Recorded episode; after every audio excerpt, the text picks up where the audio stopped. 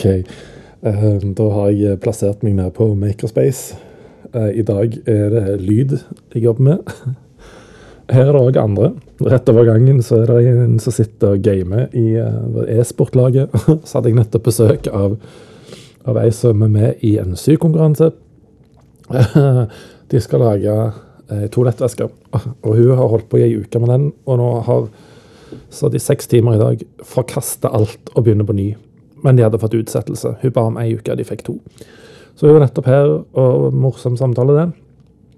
Uh, og så vet jeg at det sitter iallfall en nåværende elev uh, i et, par, et rom bortfor, sammen med sikkert noen søskenbarn og sånn, og holder på med et eller annet. Og uh, Steinar, som driver plassen, han flyr rundt og gjør sine ting. Herlig plass, som jeg virkelig ikke tror at folk bruker nok her oppe. Og alle steder i Norge burde hatt et sånt makerspace, for dette er helt sinnssykt bra. Så det er altså e-sportrom, der er Legolab-rom, systue, der er 3D-printerrom med masse annet i, der er eh, elverkstedrom, der er eh, det som jeg har sittet på mye i det siste, sånn, det heter vel prosessrommet eh, fra de som hadde lokalene før, der det er masse good shit av dopeprodukter. Eh, og hvis du hører lyd i bakgrunnen, så er det bare folka som er her, som holder på å gjøre sine ting og snakke sammen. Dette her er til bruk for alle. Det er ingen alarm. Du må bare ha koden for å kunne låse deg inn. Og så har du selvfølgelig fotorom uh, med green screen og sånn proft utstyr for altså lamper og alt det der. Og speilreflekskamera. Det er helt sinnssykt bra plass. Og i kjelleren så har Musikkforeningen øvingslokaler, så her, uh, her kan en jo gjøre alt. Jeg har jo vært her mye i det siste for sånn, det du gjør fylles hodet av, og det hodet er fylt av, renner munnen over av. Derfor har jo jeg snakka mye om bøker i det siste. Så nå venter jeg på prøvetrykk av tre stykk bøker. Eh, den ene heter Disjunkt. Det var den første jeg begynte på når jeg kom opp her. Og så, i månedsskiftet juni-juli, så ble boka 13 dager i et liv til. Den bærer mer preg av å være en slags sånn um, dagbokaktig, der en har en prosess med seg sjøl. Uh, ja da, så her er det folk som uh, prater og har det gøy. Uh, og den siste heter egentlig Fire, men Bok fire. For det var den fjerde boka jeg begynte på. Og det ligner kanskje litt på måten Fremdeles, som kom i fjor, som fremdeles er i salg. Aha. På Bøker og Børst for en skarve hundrelapp. Eh, det var jo greia at jeg ga de bare masse tekster, og så fant Asle, som eh, jeg tror ikke han jobber der lenger, eh, han fant en historie i alle de tekstene og organiserte de i tre akter.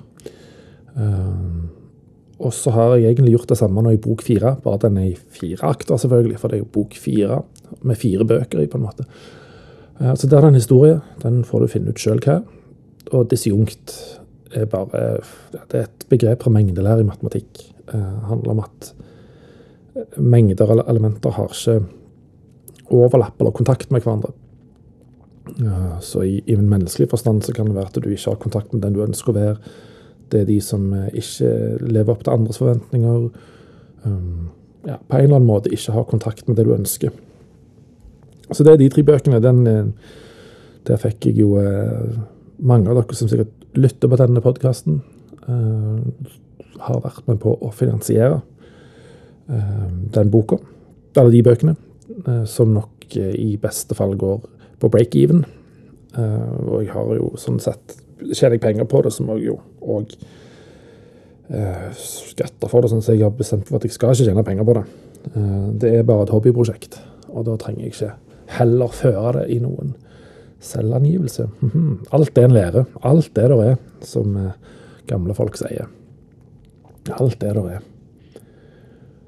Og så uh, Hun som nettopp snakker med meg her, interessant person. Uh, som fikk meg til å få noe å tenke på i, i går. Ringte meg og tok opp noe. Og det uh, er et slags mønster som jeg ser Når det ble påpekt, så ser jeg at det går litt igjen. Eh, her er det basert på at hun har sett det i to tilfeller. Og hvis det bare er én, så er det en tilfeldighet. Hvis det er to, så kan du trekke ei linje mellom dem. Hvis det er tre, så er det jo et mønster. Eh, for da, eller to er en trend, tre er et mønster. Eh, så hun refererte til to situasjoner der jeg hadde beklaget meg uten at, at hun mente Eller uten at hun forsto hvorfor. Uh, og så bare medførte det at hun blir usikker på seg sjøl. Uh, og hun får dårlig samvittighet og Ja, masse greier. Jeg begynte å tenke at Hvorfor Jeg har jo snakka om, om unnskyldning og tilgivelse i en tidligere episode. Faktisk. i forrige sesong. For la oss bare si Jeg hadde 30 episoder pluss noen bonusgreier, så la oss si at da begynner vi på ny nå. Etter å ha bodd her i et halvt år og ei uke, uh, så starter jeg på ny sesong. Så får vi se hva, hva den inneholder, om det blir så veldig mye endring. Men eh, kicke off med å beklage for beklagelser. Det blir vel en metabeklagelse. Meta-unnskyldning. For Hvorfor gjør vi det? For jeg vil ikke bare snakke ut for meg sjøl, for jeg ser at ja, jeg har gjort det mange ganger. Jeg vet hvorfor jeg gjør det. Og det handler om at eh, jeg alltid har kasta en bauta på meg sjøl før jeg hiver grus på andre.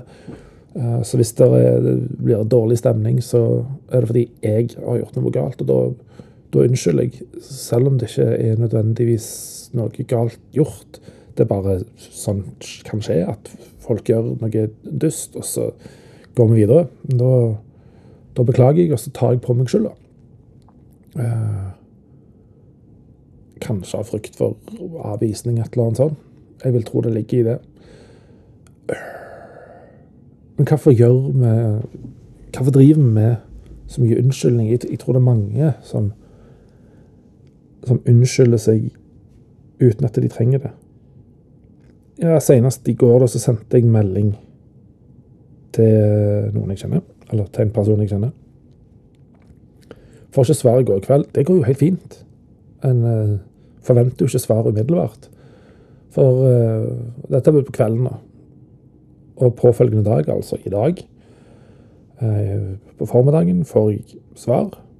Beklager at jeg ikke svarte i går kveld. Og da får jeg jo litt perspektiv på, på at jeg sjøl har fare det er beklagelser. Men hvorfor gjør en det? Er det et forsøk på å gjøre seg liten? For Jeg vet ikke om jeg skal prøve å svare på det, eller om jeg er i stand til å svare på det, men gjør du deg egentlig større, tar mer plass, når du prøver å gjøre deg liten ved å beklage? så kan jeg heller la det henge der, for jeg, jeg er beint fram ikke sikker. Kan være det er noe i det. Jeg vet iallfall at eh, jeg For min egen del, når jeg beklager, så handler det om å prøve å gjøre seg liten. For å si liksom Ikke, ikke ta meg. Eh, det var ikke meninga. Sorry, sorry, sorry. Um, kan vi ikke bare være venner, liksom? At det, det, det er det jeg går i, da. Um, og så er det en ganske fersk tanke om at istedenfor at du gjør deg liten, da, så gjør du det kanskje større. Og tar mer plass. For du påfører jo andre noe som de gjerne ikke har tenkt. Jeg hadde jo ikke tenkt at de to beklagelsene som ble referert til i går av hun som ringte meg, at de hadde gjort hun opprørt. Hun hadde tenkt på dette her, tenkt på dette i halvannen måned. Uh, uh, nesten. Drøy måned. Og fått dårlig samvittighet og ikke forstått, grubla, brukt masse tid på det. Uh, og følt at jeg var sint. Og det er jo virkelig ikke tilfellet. Så jeg Jeg ser jo da at eh, ved å slenge rundt seg med en del beklagelser, så påfører vi kanskje noe uønska, altså noe vi ikke ønsker å påføre andre, gjør vi likevel. Men hva er alternativet, da? Bare gå videre som om ingenting har skjedd? Da blir han jo gjerne oppfatta som kald og kynisk. Eh, eller kanskje litt Ja, ja, kald, da. Fordi du gjerne ikke tar hensyn til, til andres følelser. Men når da du beklager, eller en beklager for ikke å ha svart samme kveld som en fikk en melding, men svarer tolv timer seinere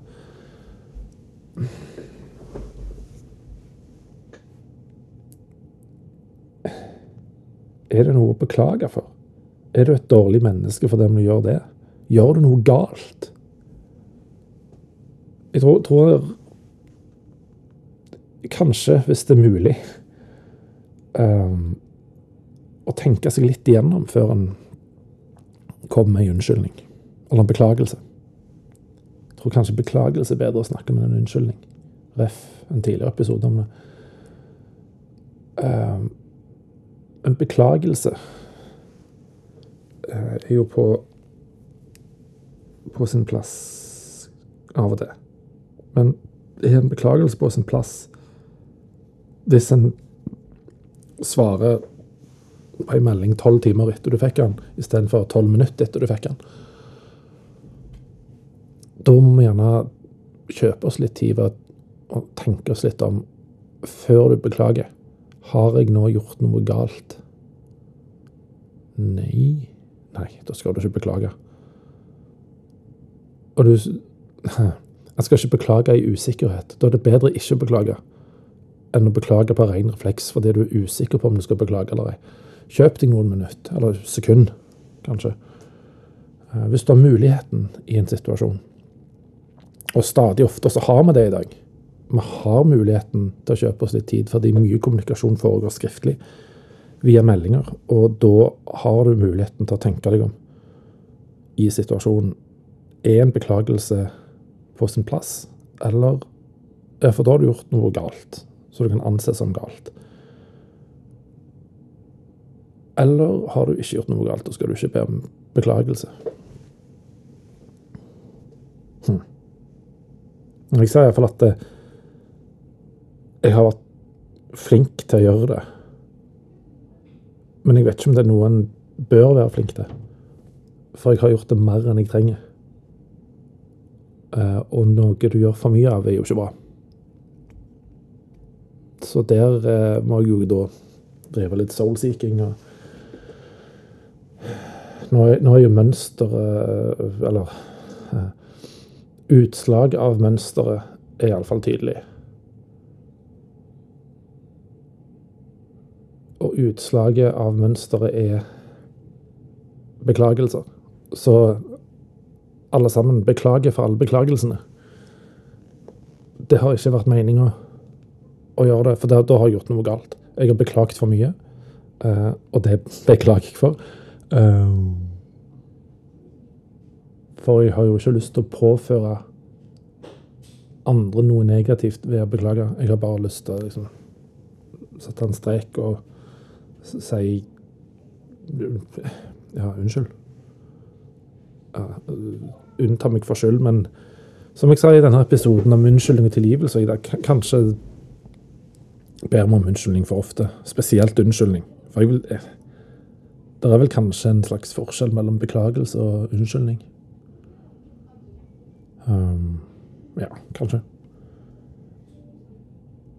Så får det henge litt da, bare i en hmm. Jo da, nei da. Jeg var nettopp i eh, Trondheim med mitt faderlige opphav og min storesøster. Der dukka det opp et eh, par nye fraser som jeg bare syntes var helt kostelige. Spesielt et begrep som jeg syntes var helt nydelig. Eh, der det var snakk om altså, folk som bruker, som de fleste gjør, ser mye ting på internett. og sånn, Ser alt dette her. Nå høres jeg ut som far min. For sånn, Internett og det der. Så folk bruker mye tid på internett. Ja, sant? Vi gjør jo det. Og så ser vi noe der, og så folk som gjør spektakulære, bra ting, sier bra ting, alt det der.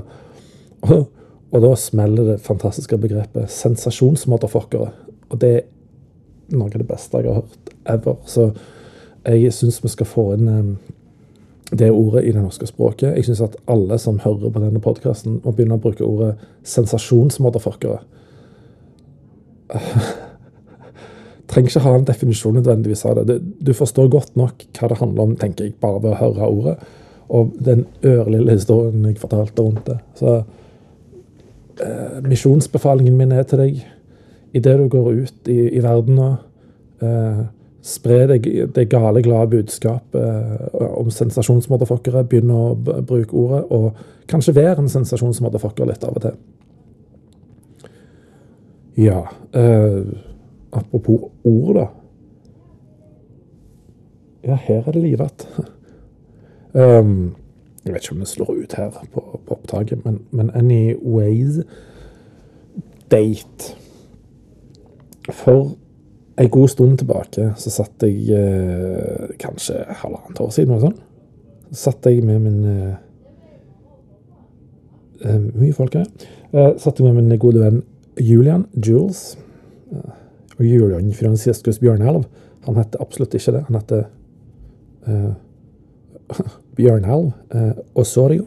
Uh, også Bjørn Rio Elv på spansk, og han er jo uh, har han, Hva skal jeg si, for jeg vet jo litt om DNA hans. Han kan, kan ikke akkurat si at han er etnisk colombiansk, men han er i hvert fall foreldre som har opprinnelse derfra, så han er jo spansktalende av spanske navn. Gud, nå ble det mye fokus på han.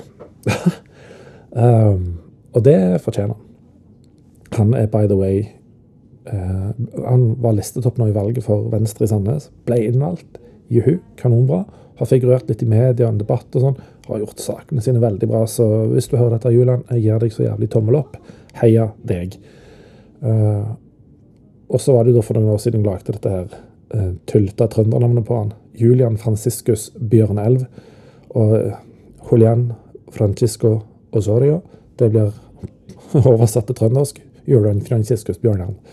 Så, så, så Bjørnelv, herr Bjørnelv. Um, og jeg satt da på Coffee Berry i Sandnes og prata om ymse. Uh, og da kom jeg inn på dette med date.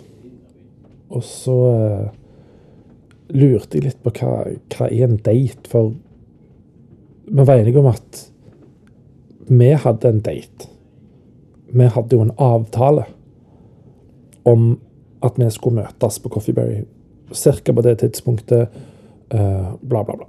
Så da har vi jo en date. Og det er jo innafor den engelske definisjonen av det. Men jeg sa Jeg vet ikke om jeg i, ok, I den forstand så har jeg vært på mange dater, men min påstand var at jeg aldri har vært på en date.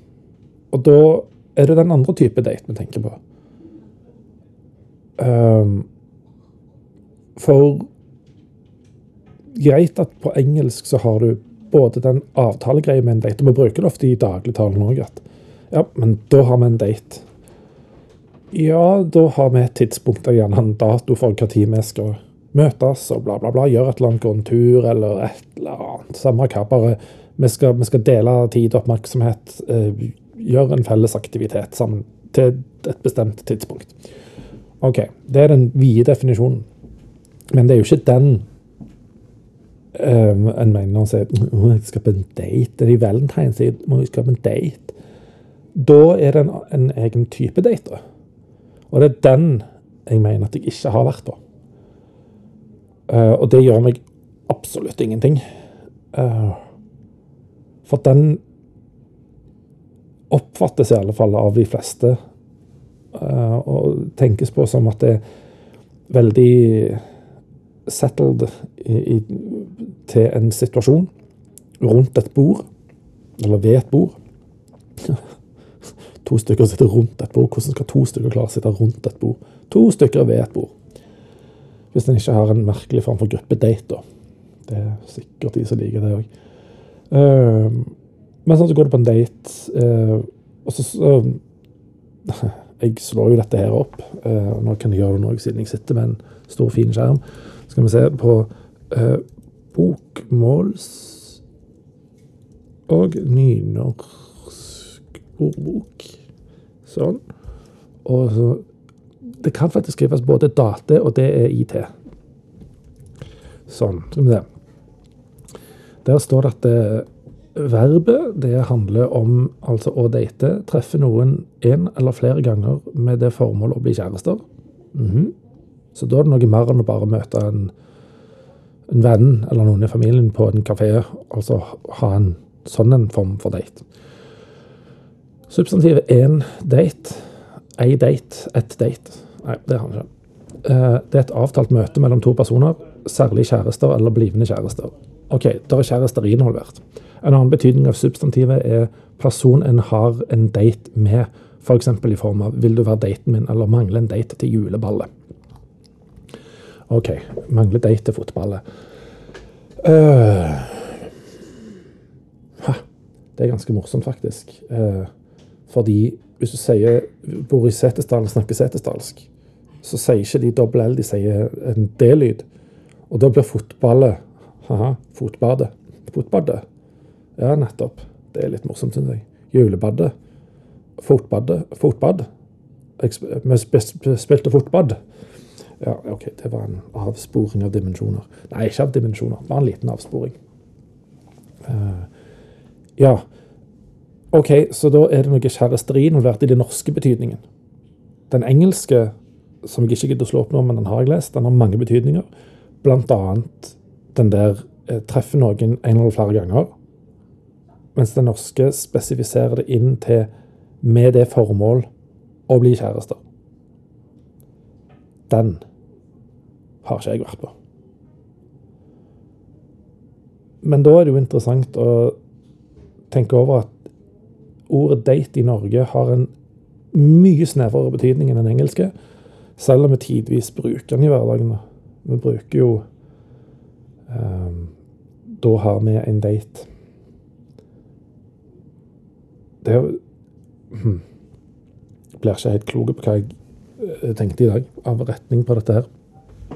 Uh, men i alle fall uh, myk start på sesong to av, av uh, podkasten. Uh, jeg tror kanskje jeg skal tørre å ta litt borti litt politiske ting. Uh, eller litt sånn betente ting. For det handler jo om perspektiv og tanketid i det òg. Nå er det jo en, en strid som foregår på en litt ja, Ikke bare én, herregud. Det er to større strider i La oss kalle det for vår relativt umiddelbare nærhet. Det er en i Ukraina, og det er en i Midtøsten. Eh, tross alt relativt nært, med tanke på at Europa er en knøttliten verdensdel. Um, men i en større skala, så for, for, å ta det perspektivet, da, så handler det jo om at krefter er under press. Og at uh, verden blir stadig mer polarisert. Og det gjør vi òg i hverdagen. For det, altså, det vi gjør i hverdagen, påvirker Oi, liten kid som sprang forbi og trampa hardt. Det vi gjør i hverdagen, eh, påvirker jo de, de, større systemene.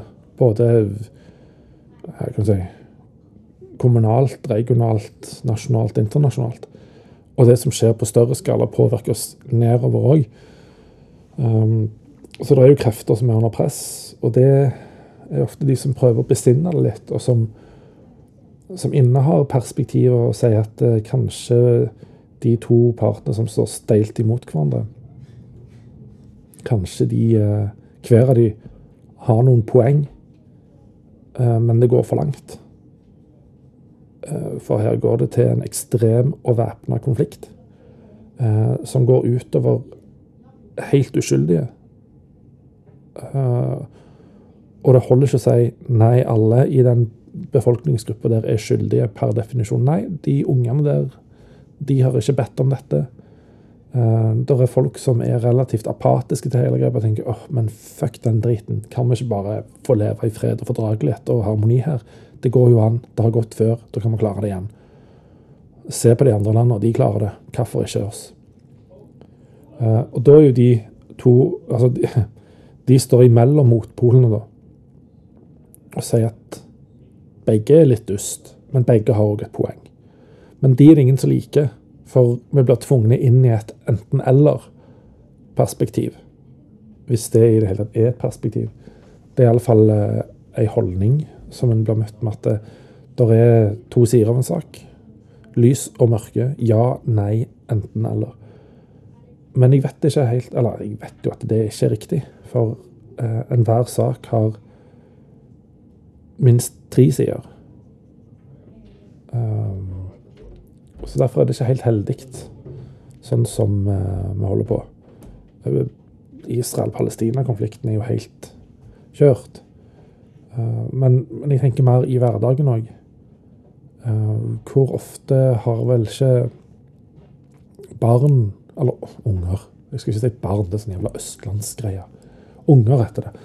Hvor ofte har ikke unger, og gjerne du og jeg òg som unger sjøl en gang, opplevd å komme i en eh, lojalitetskonflikt med foreldrene, der de to står steilt mot hverandre. Og det er enten-eller. Men så er det jo ikke det, for både mor og far har et poeng.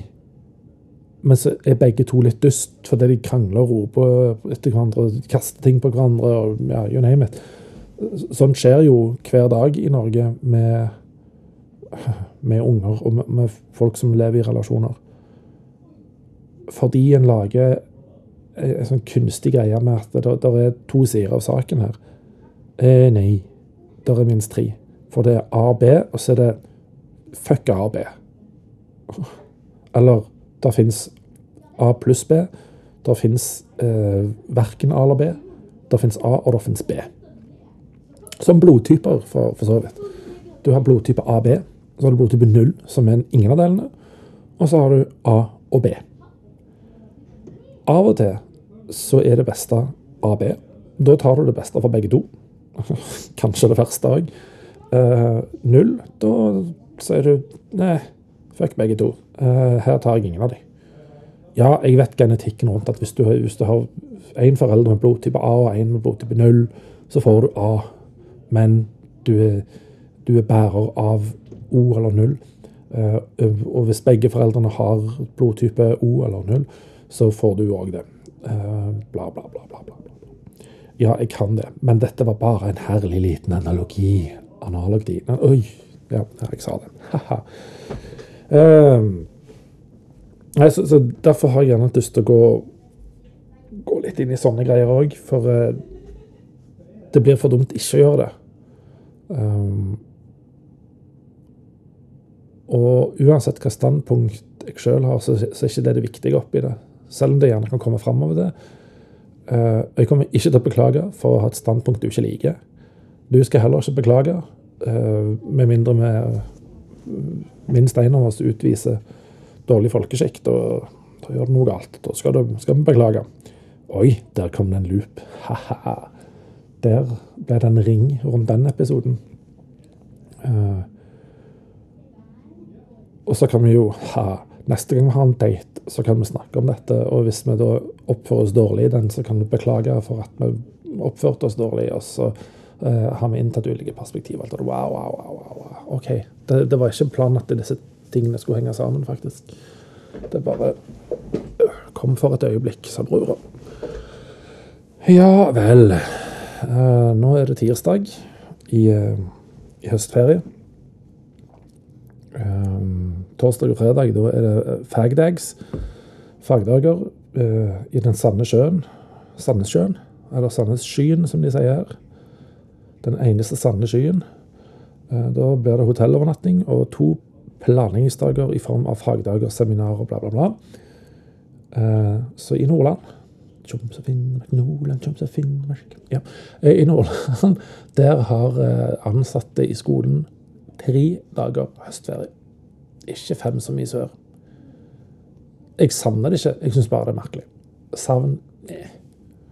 Um, det handler om hvilken måte en tar det på, og forholder seg til det på. Så det gjør meg ingenting å ha tre. Hadde bare vært jævlig bra å ha fem. Så merkelig greie her i Nord-Norge. Eh, opprinnelig så var det jo potetferien. Kanskje, de ikke, kanskje de ikke har så mye, mange poteter her i nord. Så de, de trenger ikke så lang tid på å høste potetene. For det, det, er ikke så jævlig mye av det. Nei, jeg vet ikke. Anyways. Det er sånn er høstferien. Uh, så denne uka så mottar jeg prøvetrykk på de tre bøkene. Gleder meg veldig til å holde de i hånda og vite at nå har jeg gjort hele prosessen sjøl. Uh, med da selvfølgelig alle dere som har forhåndsbestilt. Uh, enten det er via det Google-skjemaet jeg har lagd. Og hvis du ikke har bestilt, så kan du gå inn på uh, Instagram-profilen min, KH Loven. og så ligger det en link der du kan bestille gjennom. Eh, så til alle dere som har bestilt via den, det er per snakkende stund syv stykk sist jeg sjekka, pluss de som har bestilt ved å sende meg ei, en SMS-melding for å høres sykt gamles ut, eh, eller bare fortalte til meg at de vil bestille. Og først og fremst tusen takk til alle dere som har bestilt gjennom Spleisen. 19 stykker spleisa 5000 kroner. Det er ganske psycho. Det er over 250 i snitt per snute. Det er helt ellevilt.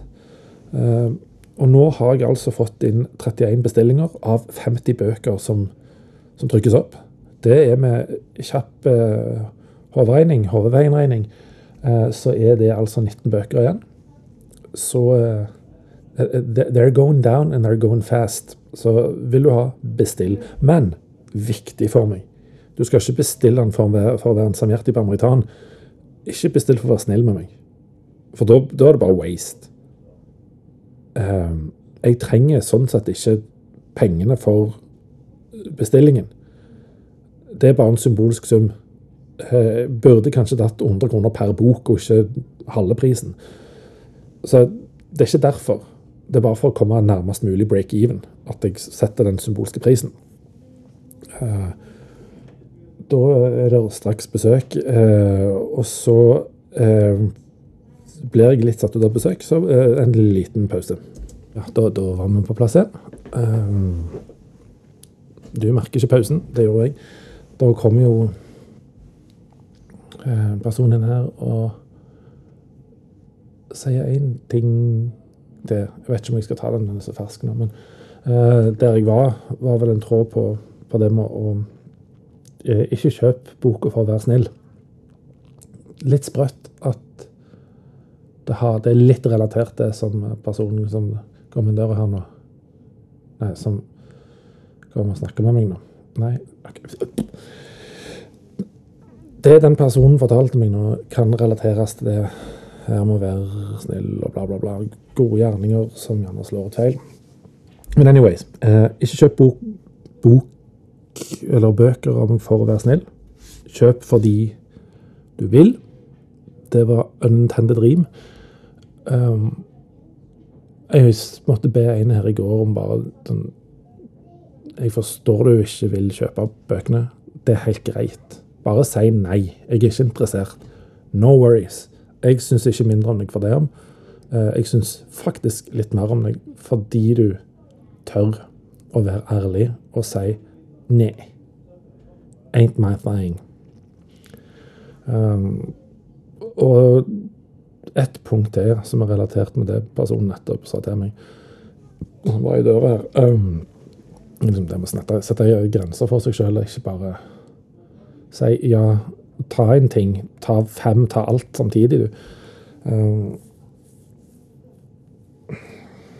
er vi litt opptatt? Handler det egentlig mye, dette her? om hvordan vi framstår, hvordan vi ønsker å framstå. Og, og, selvbevissthet, hvordan vi tror at vi i andre øynes framstår, at det skal være liksom plettfritt og perfekt. For jeg tror kanskje det er noe der. Og så når du da gjør noe der du får et Når du ikke får et positivt signal, så blir du usikker, og så tolker du polarisert. At enten så er det positivt, eller hvis det ikke er positivt, så er det negativt. Det er liksom ikke noen nyanser mellom. Så hvis du ikke får et positivt signal på noe, så er det negativt, og da har du gjort noe galt. Så da må du beklage for å vise at du, du er ikke den personen du nettopp viste. Du, du er bedre enn det. Og da beklager du selv om du ikke trenger. Og så hiver vi eh, snillisme etter folk eh, og, er oversnille og sier for lite nei. Eh, og, og, tør ikke være ærlige. Så hoi. Der gikk den episoden til hm, nye høyder. Jeg tror jeg kaller det for en episode. Og så får jeg se når jeg kommer hjem om noen har sendt meg en melding, for jeg tror i alle fall to personer har prøvd å komme i kontakt med meg. Eh, sier, sier en hunch meg Her er noe av det Altså, jeg føler meg litt Lilly Bendriss når jeg sitter sånn. Men jeg, jeg, er trygg på at jeg, nok to personer har trolig prøvd å kontakte meg, så jeg tror jeg må gå hjem og finne ut hva, hva det går i, og svare på det og forholde meg til det ingenting negativt. Så jeg håper dere har en fin, fin dag, enten det er Tysen dag, som det er på kalenderen i dag, eller om det er månens dag, Odins dag, Torsen dag, Frøysen dag, Laugadagen eller Solens dag. Samme hva ukedag det er. Håper den er fin for deg, og at uh, du ikke har det dårlig, og at du har det godt nok. Tudelu.